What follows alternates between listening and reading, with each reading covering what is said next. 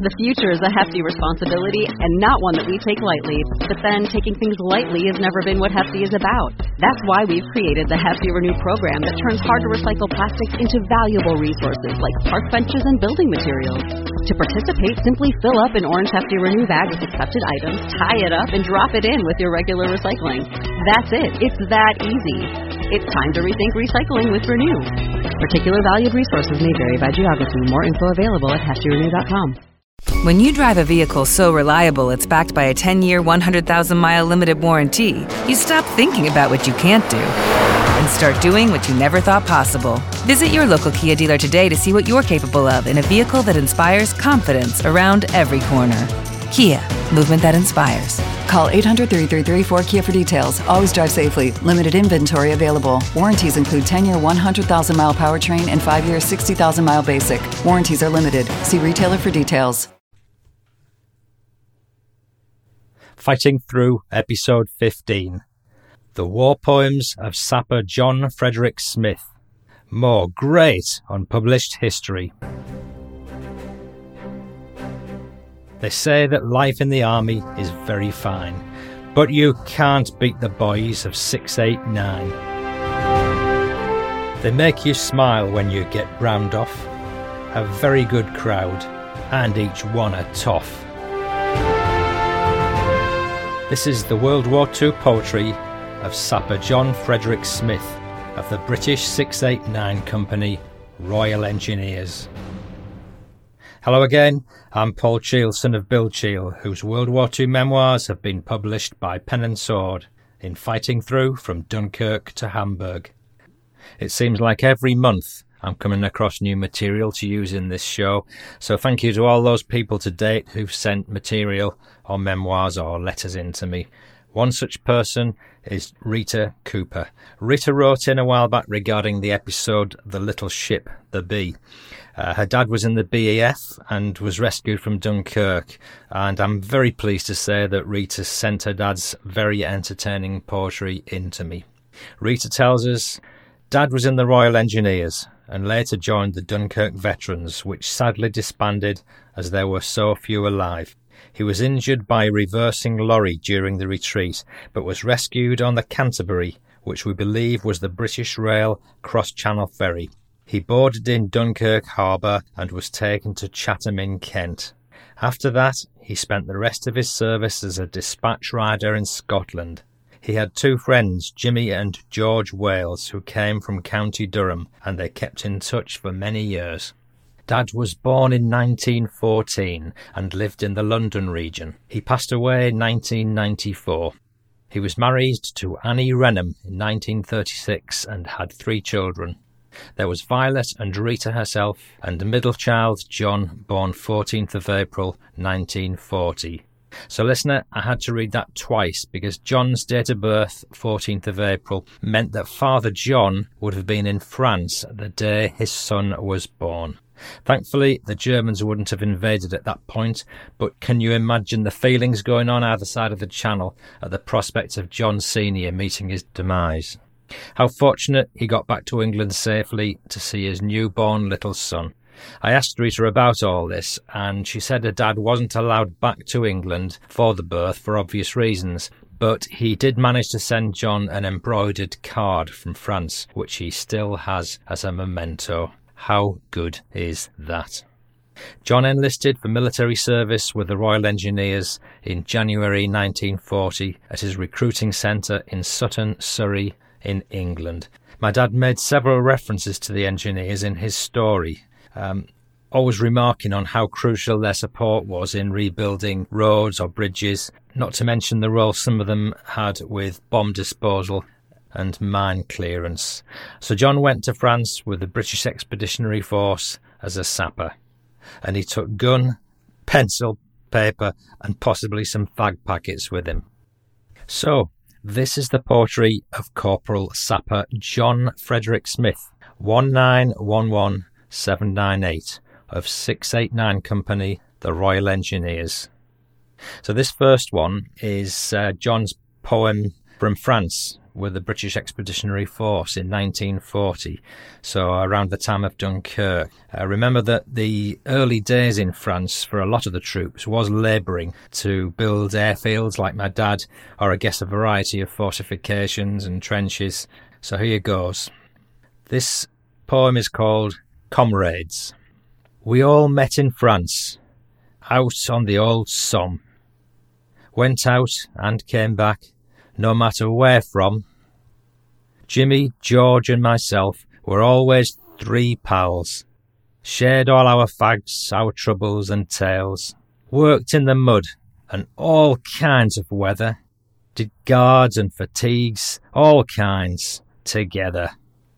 Went on parade, stood, spit, polish and shine. Whatever we did, wherever we went, we toed the line. It's funny that, War makes all pals like us do things and say things and not cause a fuss. So when it's all over, we hope we can see all people together, like Jim, George, and me. The next poem is uh, also a bit about comradeship, uh, which was foremost in most soldiers' minds when they went into battle. It's what you always hear when you read stuff. When we talk about comradeship, I'm always inclined to remember an anecdote about Company Sergeant Major Stan Hollis of the Green Howards, which was my dad's regiment. And uh, when he was uh, awarded his Victoria Cross, the only one awarded on D Day, when he was asked about his leadership of the troops and uh, goading them into action with all his encouragement and leadership, uh, he turned things around in an interview and said it was really uh, the troops that were leading him. He was scared to let them down and uh, wanted to, to do his best for his mates, really. And uh, that was a wonderful context to put it in. And uh, if anyone's interested in reading, or rather listening to that interview, there's a very good CD out which I'll put a link to it in the show notes. It's about D Day and it's extracts from the radio and all sorts all things that were done live around about the time of D Day. And uh, if you're going over to France for uh, visit, visiting the battlegrounds, for instance, as I did not so long back, to put this CD on in the car and just, just listen to listening to all the radio stuff coming over. It's like you were there on the day. It really is good. It's a very excellent CD. There's another one in the same series uh, about uh, Dunkirk, which probably isn't as good, but nevertheless one that's worth having. The material on both CDs at times is mixed, uh, and some of them, some of the tracks are, are useless really. But to be honest, taken as a whole, the a couple of CDs I would wholeheartedly recommend. As I say, I will put a link in the show notes, and I hope somebody enjoys. Okay, over to the poetry again. This one's called 689, which of course is the number of John's company in the Royal Engineers. They say that life in the army is very fine, but you can't beat the boys of 689. They've all been to France, and most volunteers had more kicks and yankers than they've had cheers. They make you smile when you get round off. A very good crowd, and each one a toff. Always a smile, be it wet or fine. That's the spirit of lads in 689. Never a fight, nor harsh words are said, from first thing in morning till time for bed. It's a pity that those above us can't say that they wish they were better in every way. But who cares, as long as we're all pals. Don't worry over regs and are hard as nails. When we get parted, we don't know when, the saying will be, they were all jolly fine men. But when the time comes and we all look back, we'll say 689 was best of the pack. That was written in Brixton by John, uh, Brixton in London during the Blitz with the lads of 689 Company, Royal Engineers. So that was uh, a period after he got back from Dunkirk when the Battle of Britain was raging. London was being bombed. Shells going over his head, no doubt. Right, this is the last one. It's a, a short one about peace, and it's rather a subtle statement, really, about peace. It's not saying we must have it, but we must pray for it. And I guess if we don't get it, then uh, Someone will have to pay for it. Peace. In these days of trouble and war, whether we be rich or very poor, let us hope that when we pray, we pray for peace to come and stay. Why should we have to kill and slaughter someone's loving son or daughter when we were born to love and cherish, not to take up arms, to kill or perish? Again, that was written by John in the thick of the London Blitz, 1940. That's your lot. I wonder if John, in his wildest dreams, ever thought his compositions would be read out loud to a large audience. So good on you, John. Many thanks for your contribution. And many thanks to his daughter Rita for taking the trouble to send it in, together with various photos you'll find in the show notes at fightingthroughpodcast.co.uk.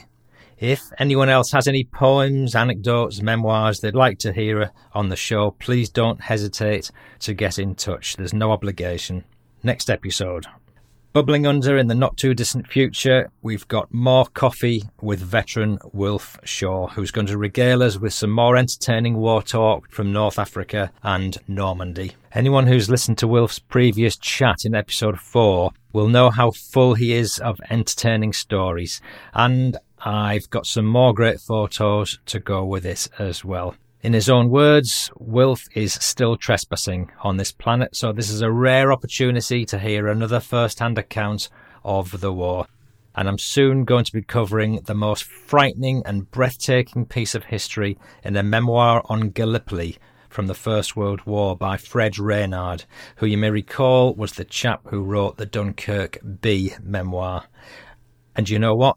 I've just also been sent an enlarged version of the Bee memoir, and I'm currently trying to work out whether or not to merge what are now two versions into one, or just to publish the second one on its own. Watch this space. Thank you for listening. This was Fighting Through, episode 15. If you've enjoyed John Smith's war poetry, you might like to take a listen to Doug Gray's D Day poetry in episode 8 if you haven't already done so. See you soon, listener, and stay with me for the PS. I'm Paul Cheall saying bye bye now. PS. Just a couple of short ones this time. I must share with you a story about some shoe polishing brushes I've got. I've three of them, and my parents gave them to me many years ago when I first left home.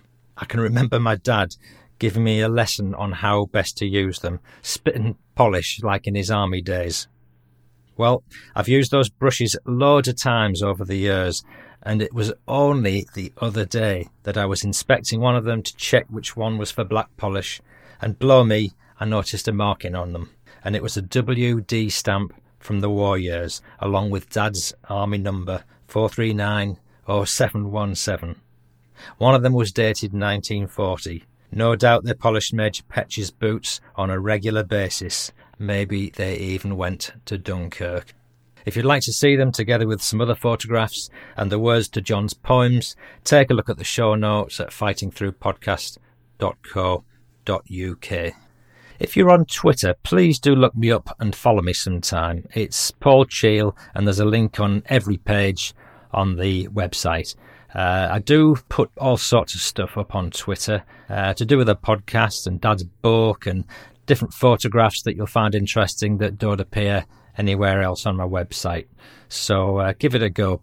Uh, finally, this is a question about the music I use on the show from Dominic Gida.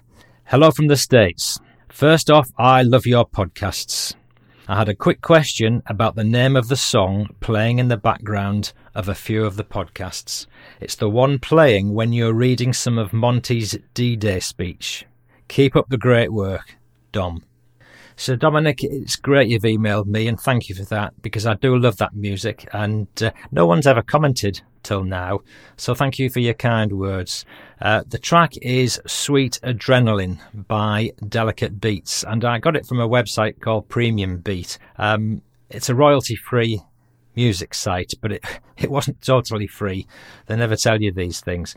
But I'm putting a link to premiumbeat.com in the show notes. Uh, out of interest, the intro I use is Our Mighty Hearts. The sad one is called Heading Home. and the outro I selected is called In Victory.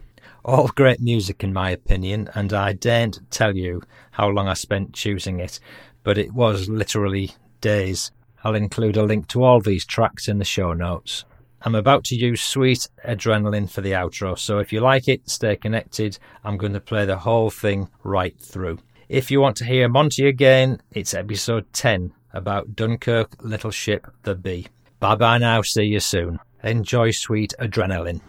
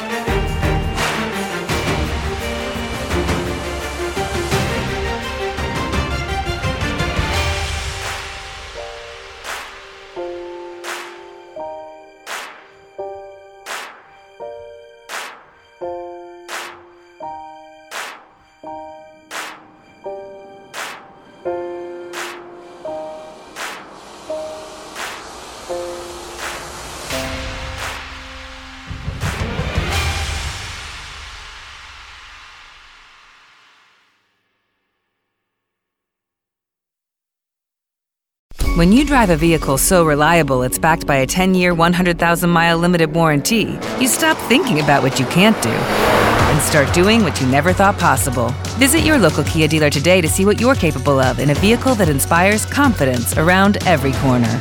Kia, movement that inspires. Call 800 333 4KIA for details. Always drive safely. Limited inventory available. Warranties include 10 year 100,000 mile powertrain and 5 year 60,000 mile basic. Warranties are limited. See retailer for details.